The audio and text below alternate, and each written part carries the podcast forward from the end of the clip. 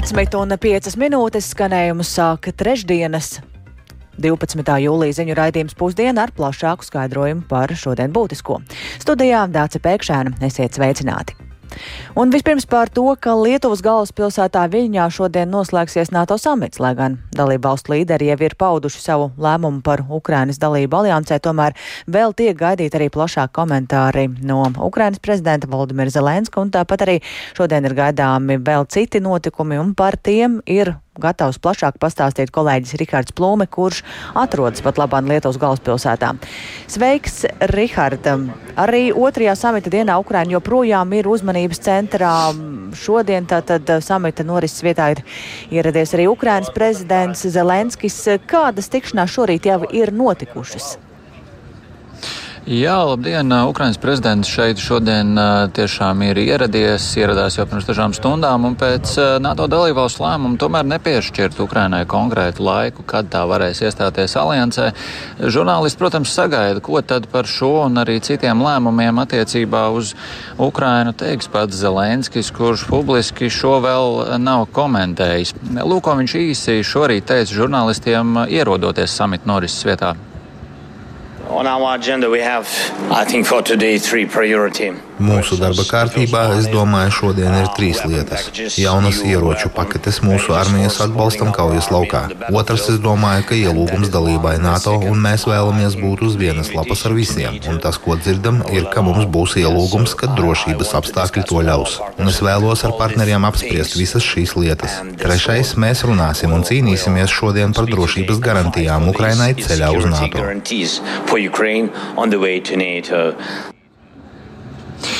Jā, nu šobrīd norisinās NATO ģenerālsekretāra Jans Stoltenberga un Zelenska divpusējā tikšanās, un jau pēc nepilnas pusstundas sāksies arī abu preses konference.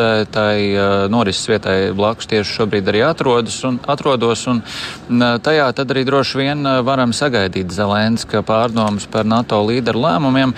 Viņš ierasti ir bijis visai tieši savos izteikumos, redzēsim, kāds viņš būs šodien. Iespējams jau, ka pieņemtos lēmumus attiecībā uz Ukrainu viņš jau ir apspriedis ar pašiem dalībvalstīm dalībvalstu vadītājiem vakariņās vakar, eh, vakarā un, iespējams, arī šodien. NATO līderu lēmumu attiecībā uz Ukrainu šorīt komentēja arī uh, Igaunijas premjere Kai Kalas, kas uzsver, ka visi apzinās, ka šobrīd Ukraina uzņemt aliansē nevar, jo notiek karš, taču ir jāizpilda konkrēti soļi, lai brīdī, kad būs iespēja to izdarīt, tas notiktu raiti. Paklausīsimies, ko viņa teica. Uh, Mēs neteicām, ka Ukrainai jāpievienojas, kamēr notiek karš. Neviens to nepieprasīja un nav pieprasījis, pat Ukraina nē. Visi saprot, ka viņi nevar pievienoties, kamēr notiek karš.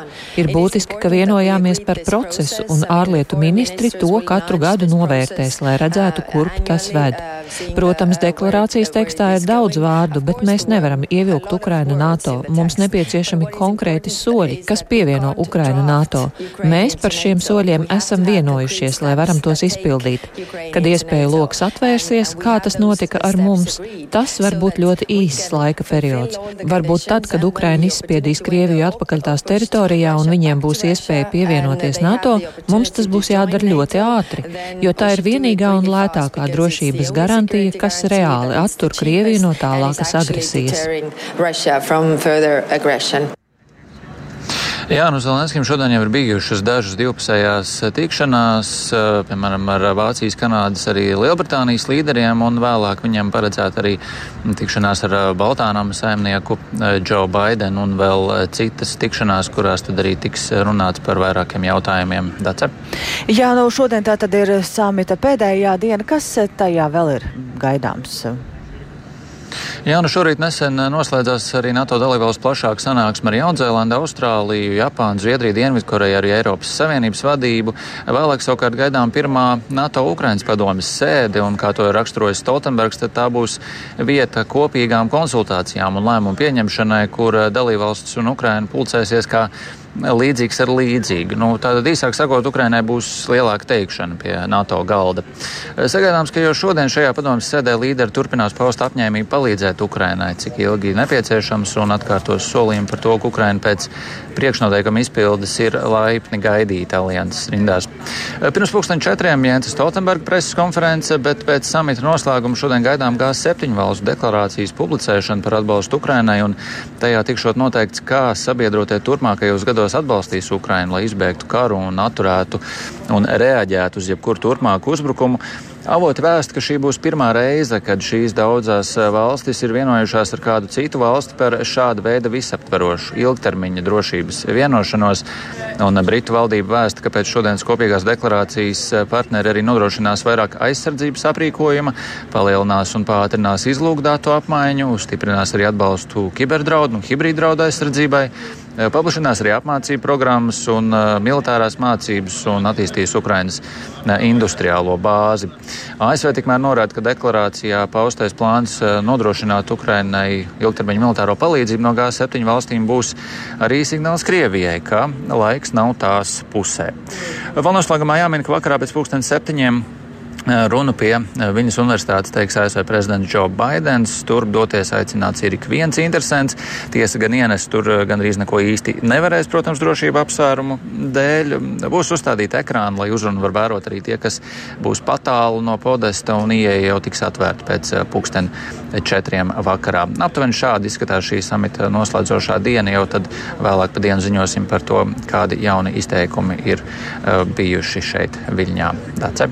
Paldies eh, Rihardam Plūmēm. Tātad eh, viņš turpina sekot līdz notiekošajiem viļņā, bet eh, kā NATO valstu vadītāji sanāksmi izmantot dezinformācijas izplatītājiem? To šorīt kolēģi Arta Skoja programmā Labrīt vaicāja Atlantika Hansel vadošajai digitālo lietu pētniecei Baltijas valstīs Nikai Aleksējevai.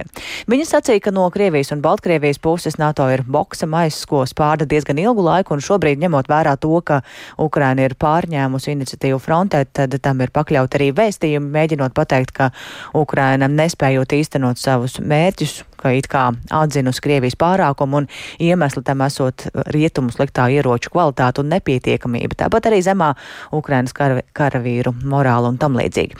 NATO savukārt pasniegts kā ļaunums, kas dzenot cilvēkus nāvēm, un turpinājumā fragments no šī rīta sarunas ar Niku Aleksējevu.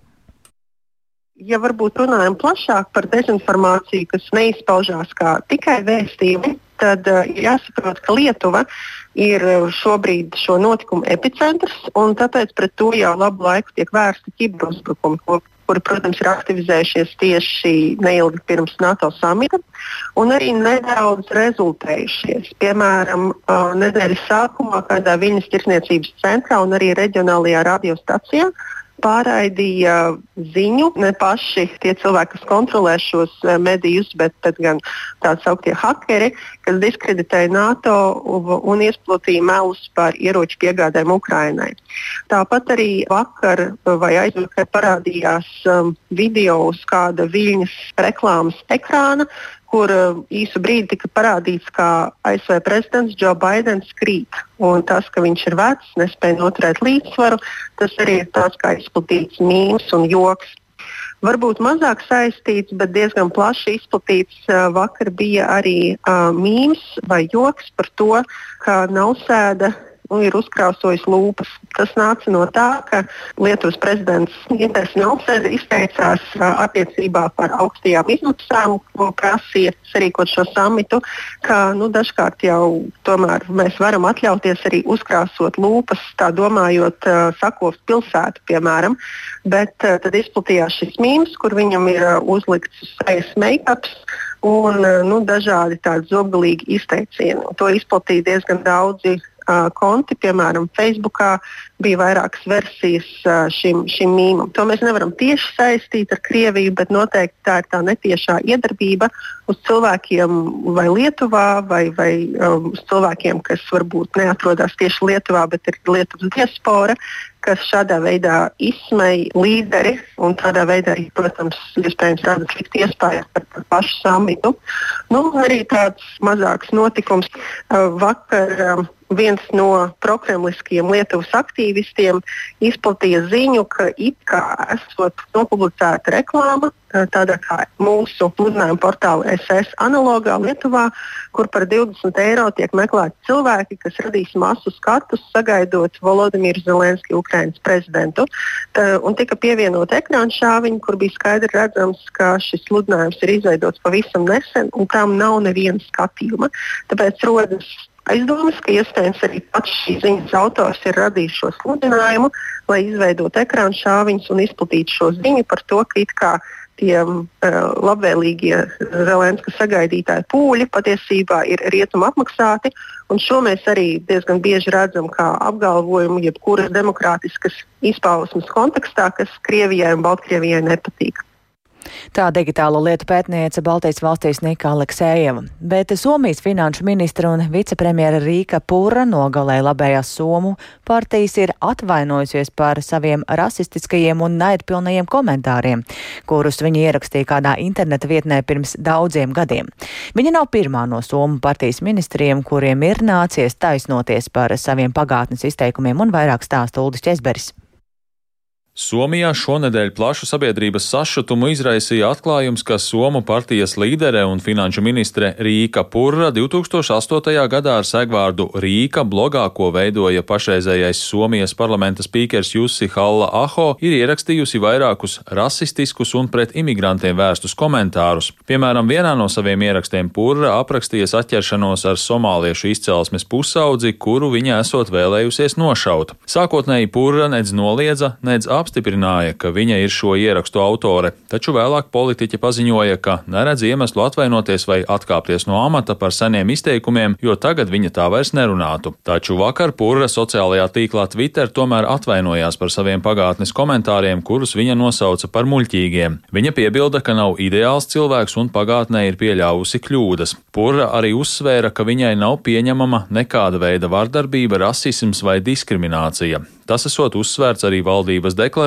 ko ir parakstījusi Somu partija. Pūras atvainošanās nāca pēc tam, kad nosodījumu viņai bija izteicis premjerministrs Peteri Orpo no Nacionālās koalīcijas partijas, kā arī divu pārējo koalīcijā ietilpstošo politisko spēku Kristīgo demokrātu un Somijas Zviedru tautas partijas līderi. Somijas prezidents Sauli Nīniste, kurš reti komentē iekšpolitiskos jautājumus, vakar sacīja, ka Somijas valdībai ir jāieņem stingra nostāja attiecībā pret rasismu rasismu. Sitä mieltä, että Suomen hallituksen Manuprāt, būtu pareizi, ja Somijas valdība ieņemtu skaidru nulles tolerances pozīciju pret rasismu. Ja valdība to spēs, tas būs labs signāls visai pasaulē. Jāatceras, ka rasisms un iespējamās problēmas, kas saistītas ar migrāciju, ir divas pilnīgi atšķirīgas lietas. Somijas labējo valdību apstiprināja pirms trim nedēļām, bet to jau ir satricinājuši vairāki skandāli. Tikai pēc desmit dienām amatā atkāpās Somu partijas izvirzītais ekonomikas ministrs ministrs Vilhelms Junnila, jo gaismā nāca viņa saites ar vietējām neonacistu organizācijām. Savukārt iekšlietu ministrei Marija Rantanenai, kura arī ir Somu partijas locekle, nācās taisnoties par sociālo tīklu ierakstiem, kuros viņa neslēpa atbalstu dažādām galēji labējo vidū populārām sazvērestības teorijām. Uldis Česberis, Latvijas radio. Un turpinājumā par mūsu pašu amatpersonām. Valsts prezidents Edgars Rinkēvičs pirmajā nedēļā ne tikai teicis ir pirmo publisko uzrunu plašākai sabiedrībai un devies arī pirmajā ārvalstu vizītē uz Igauniju, bet arī turpina tikšanās ar dažādām amatpersonām. Vienlaikus turpinās arī viņa tuvākās komandas izveidi, lai pilnā sastāvā darbu sāktu augustā. Un par to vairāk ir gatavs pastāstīt kolēģis Jānis Kīncis, kurš ir pievienojies studijās. Sveiks, Jāni! Sveika, Dārts! Sveicināt klausītāji! Jā, pirmā nedēļa valsts prezidenta amatā Edgaram Rinkēvičam tiešām ir dinamiska gan ar inaugurācijas pasākumu, gan šo uzrunu meža parka iestrādē vizīti Igaunijā un tikšanos ar amatpersonām. Piemēram, šodien tiesības ar Juriju Ansonu, ceturtdien Latvijas Bankas prezidentu Mārtiņu Kazāku un Latvijas pašvaldības savienības priekšsēdi Gintu Kaminski, piekdien ar premjeru Krišānu Kariņu un valsts drošības dienesta priekšnieku Normundu Mežvietu. Un jaunadēļ paredzēts sākt arī reģionālās vizītes, un tām jaunievēlētais prezidents sola pievērst īpašu uzmanību, apmeklējot gan dažādus uzņēmumus, saimniecības, skolas un citas iestādes. Un līdztekus jau kopš ievēlēšanas valsts prezidenta amatā ir veidota arī viņa padomnieku komanda, un šis process aizvien vēl nav noslēdzies. Jau līdz ar ievēlēšanu valsts prezidenta amatā kļuva zināms, ka Edgara Rinkēviča kancelēju vadīs eh, vēl nesen ārlietu ministrijas parlamentārā sekretāra Gunda Reire, un viņas vietniece ir kādreizējā valsts ieņēmuma dienesta vadoša amatpersona Dace Pelēkā. Padomniece likumdošanas jautājumos būs Latvijas pārstāve dažādās starptautiskās starptautiskās institūcijās Kristīna Līce, un Rinkēviča sadarbību turpinās ar līdzinējo ārlietu ministra biroja vadītāju un diplomātu Edvīnu Severu, kurš būs prezidenta padomnieks ārlietu jautājumos. Savukārt padomnieks nacionālās drošības jautājumos būs Aivars Puriņš, kurš šobrīd Briselē pilda aizsardzības padomnieka pienākumus Latvijas pārstāvniecībā NATO. Padomniece ekonomikas jautājumos būs tagadējā Eiropas komisijas pārstāvniecības Latvijā ekonomikas padomniece Irēna Emīlija Švilpe, un valsts prezidenta protokola vadītāja pienākumus uzticēs līdzinējai ārlietu ministrijas valsts protokola vadītāja vietniecei Inesei Liepiņai. Savukārt Šveicē strādājošais Rīgas Tehniskās universitātes profesors uh, Toms Torims būs Rink Rinkēviča ārštata padomnieks zinātnes jautājumos. Un par prezidenta komunikāciju ar, ar sabiedrību atbildēs Mārtiņš Drēģeris, kurš šos pienākumus vairākus gadus pildīja jau ārlietu ministra birojā. Uz lūgumu vērtēt šo valsts prezidenta padomnieku komandu politoloģe Rīgas Stradiņa universitātes profesora Ilga Kreitusi norādīja, ka Rinkēvičs ir pieredzējis politiķis gan ilgus gadus aizsardzības ministrijas augstākā ierēģa amatā un vēl ilgākus gadus ministra amatā, ārlietu, ministri, ārlietu ministra amatā. Un šī pieredze noteikti saskatāma arī padomnieku profesionāļu izvēlē veidojās tas, eh, ko vajadzēja izdarīt. Tad, veidojot neatkarību, zināmu neatkarību un patstāvību, atdaloties arī praktiskā dzīvē, ne tikai izstājoties no partijas. Šķiet, ka prezidents veido savu komandu, nevis eh, partijas eh, ielikteņu komandu, kā mēdz būt, bet tādu domājošu, analizējošu, jā, kas varētu būt pilnīgi jauns un svaigs pieejams, it īpaši pēc šiem četriem gadiem, kas pagāja tādā, nu, tādā 30 gadus vecā mērcē.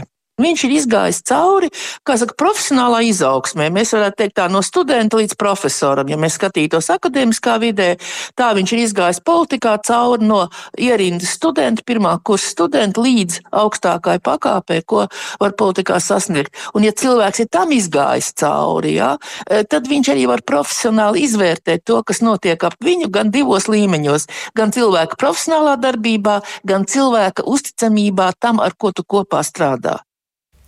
Un jāpiebilst, ka valsts prezidenta padomnieku komanda pilnā sastāvā būs vēl pēc dažām nedēļām, augusta vidū, kad jaunajiem pienākumiem pievērsīsies pašlaik starptautiskajās institūcijās strādājošie Aivars Poriņš un Irēna Emīlija Švilpe. Un arī jāpiebilst, protams, ka padomnieku un ārstata padomnieku loku vēl kādās jomās, protams, būs iespējams papildināt. Jā, paldies Jānim Kīncim. Tātad komandas izveida turpinās, bet mūsu nākamais stāsts ir par kādu lietu, kas ir noslēgusies. Pēc 11 gadus ilgas tiesāšanās Inulīda un viņu draugu apvienība Apērons ir panākusi sev labvēlīgu spriedumu tiesvedībā ar Rīgas domas pilsētas attīstības departamentu par vides pieejamības prasību ievērošanu Latvijas Mākslas akadēmijai piedarošajā ēkā Kalpaka bulvārī 13. Strīds ir saistīts ar akadēmijas piebūves rekonstrukciju, kas izmaksāja vairāk nekā miljonu eiro Daļa finansējuma nāca no Eiropas fondiem, tostarp ar mērķi nodrošināt iespēju akadēmijā mācīties arī personām ar funkcionāliem traucējumiem. Taču, nododot ēku eksploatācijā, apērons konstatēja vairāk nekā desmit vides pieejamības normatīvu pārkāpumu, piemēram, nebija paredzēts higienas telpas toaletes, bija trīs reizes stāvākas uzbrauktuvis, jeb pandusi, kas palīdz cilvēkiem ratiņkrēslos droši nokļūt no viena stāva uz otru, un arī citi pārkāpumi. Sarunas tolaik esot bijušas neveiksmīgas, tāpēc tāpēc sākta tiesvedība. Nu, un pēc 11 gadiem tiesa ir spriedusi Rīgas domas pilsētas attīstības departamentam uzdot Latvijas Mākslas akadēmijai nodrošināt vides pieejamības, pieejamības prasību ievērošanu tai piedarošajā ēkā. Un par to vairāk turpina apvienības apērons valdes priekšsēdētājs Ivars Balodis. Nu, patiesībā sakot, man liekas, ka tā, tas, par ko mēs iestājāmies, darām cilvēciskām lietām. Nevis kaut ko īpaši prasīt, bet prasīt tieši to, kam tas finansējums paredzēts un kam tā nauda bija domāta kā tāda. Un tiešām, lai palielinātu iespējas cilvēkiem invaliditāti arī studēt augstākajā izglītībā, šajā gadījumā Mākslas akadēmijā.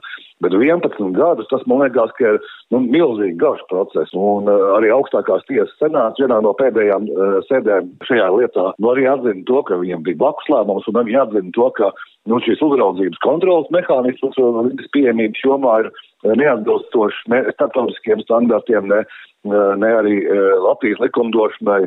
Un nu, tas, ka nu, kaut kāda tiesa nevar pieņemt lēmumu, vai tas ir labi vai slikti, vai ko darīt, nauda ir iztērēta, Un, un uh, bieži vien nospēlē, man liekas, ka vairāk tādi argumenti par to, nu, kā, kā izkulties no šīs situācijas, nevis kā nodrošināt uh, normālu pieeju un normālu uh, iespēju visiem cilvēkiem līdzvērtīgi mācīties. Un tas tā ļoti mulsinoši. Un katrā gadījumā mēs arī esam pārsteigti un droši vien, ka sākotnēji nebijām gatavi, ka 11 gadus vajadzētu vēl tiesāties. Bet vēl nekas nav beidzies, jo gan Rīgas doma, gan, gan Mākslas akadēmija var pārsūdzēt šo tiesas spriedumu un nu, skatīsimies, kā mums ies vēl mēnesis laiks. Tā apvienības apērons valdes priekšsādātājs Ivars Balodis un tātad par tiesas spriedumu un ko saka iesaistītās puses, tad plašāk klausieties arī programmā pēcpusdiena. Bet, lai pievērstu Latvijas sabiedrības uzmanību jūras piesārņojuma problēmai un um, cilvēku pašvaldības un arī uzņēmēji praktiski iesaistītos Baltijas jūras aizsardzībā, jau pēc nu, dažām minūtēm pie Ainaža Mola sāksies kampaņas Mana jūra organizētā zaļā ekspedīcija, un tās laikā tradicionāli vērtēs pludmaļu piesārņojumu. Vairāk par to sarunāsimies ar zaļā ekspedīcija vadītāju Agati Albekeiti, kura šobrīd pie telefona klausos sveicināti. Sveiki! Cik daudz eh, šobrīd cilvēki ir pulcējušies? Nu, tieši, tieši šobrīd es saprotu, ka ir jāsākas eh, pirmajai, pirmajam gājienam. Jā, šobrīd uh, pie Ainaža māla ir sapulcējušies aptuveni uh, 20 cilvēki, um, un esam gatavi uzsākt, uh, uzsākt ceļu no Ainažiem līdz Nidai. Tīri praktiski, kā tas eh, notiks, cik ilgi iesiet, cik daudz cilvēku var iesaistīties un jā, kas ir tas jūsu galvenais mērķis? Jā, iesim visu mēnesi, un pa ceļam mēs veiksim uh, pludmales piesārņojošo atkritumu monitoringus. Un, uh, šī, šajā ekspedīcijā jebkurš var pievienoties jebkurā brīdī uz jebcik ilgu laiku. Uh, vairāk informācija par pašu ekspedīciju ir uh, manajūra.lv un manajūra.lv. Uh, Slipsīta pieteikšanās var pieteikties šai ekspedīcijai Ko? un uh, pievienoties mums ceļā. Jā, ko nozīmē, jūs minējāt monitorings, kā tas izpaudīsies? Jūs skatīsieties, cik piesārņota, kādi atkritumi, kā tas notiek tīri praktiski? Jā, uh, monitorings notiek katru gadu vienā un tajā pašā vietā, kur mēs uh, 100 pludmales metros nolasām pilnīgi visus atkritumus. Šie atkritumi pēc tam tiek reģistrēti pēc tipa un saskaitīti. Un, eh, tādējādi mēs iegūstam ļoti vērtīgus datus, uz kuriem var redzēt, kā strādā dažādas, eh, piemēram, eh, politikas un kādu, kādu politiku vajadzētu attīstīt. Un kā tad izskatās, ja mēs skatāmies tos pēdējos gadus, situācija mainās, uzlabojas, pasliktinās? Citus gadus situācija uzlabojas, citus gadus pasliktinās. Tā, tāda, tāda izteikta trenda, diemžēl, um, nu, nevarētu teikt, ka, ka īpaši um, strauji situācija uz, uzlabojas. Uh, bet šogad arī gaidāms mainās metodika, uh, un, piemēram, kādreiz um, izsmēķi, kas ir vi vispopulārākais atkritums piekrastē, uh, izsmēķi tika skaitīti tikai pirmajos metros, bet šobrīd tie tika skaitīti pirmajos desmit metros. Bet, uh, šobrīd tie tika skaitīti no visiem simts metriem, un tāpēc šo, šogad te, šī te statistika noteikti augs. Jā, jūs minējāt izsmēķus, kas vispār ir tie galvenie piesārņotāji pludmalēs? Um, pirmkārt, tie ir izsmēķi, ko cilvēki atstāja vai kaut kur izmet, un pēc tam viņi nonāk jūrā un nonāk krastā. Cilvēkiem liekas, ka viņi viņus nepamanīs un, un viņi kaut kur pazudīs, bet izsmēķi ir īpaši liela problēma, jo sad, viņos ir ļoti daudz sīkas šķiedras, kas nonāk piemēram zivīs un pēc tam nonāk uz mūsu pašu šķīvjiem. Uh, tad arī um, nozīmīga atkritumu komponente ir piemēram dažādi atkritumi no notekūdeņiem, tāpēc aicinu iedzīvotājus nenoskalot atkritumus uh, notektaurulēs, jo viņi pēc tam nonāk mūsu ūdenstilpnēs un rezultātā jūrā. Uh, tālāk ir visādi, uh, visādas lietas, ko cilvēki atstāja vienkārši pludmalē, dažādi, piemēram, konfeti vai arī, arī dažādi sēdienu paliekas tiek uzskatāms par, uzskatīts par atkritumiem. Jā, kā ir tagad ar īsi pavisam ar plasmas pudelēm, tomēr ir ieviesta depozīta sistēma, tas kaut kā ietekmē to? Jā, esam veikuši pētījumus par, par šo de, depozīta pudeļu daudzumu, nu vispār plasmas pudeļu daudzumu un buļbuļsāņu piekrastē. Un šis skaits kopš šīs sistēmas ievies, ieviešanas ir samazinājies par 40 līdz 60 procentiem. Paldies! Tā tad runājām par zaļo ekspedīciju, kas sākas tieši šobrīd un ilgs veselu mēnesi. Dzirdējām Agati Albekeiti un ar to arī šobrīd izskan redzījums pusdiena. Producenti Ilza Agīnta ierakstus montēja Kaspars Groskops par labskaņu rūpējās Jāna Dreimane un ar jums sarunājās Dāca Pēkšēna. Yeah.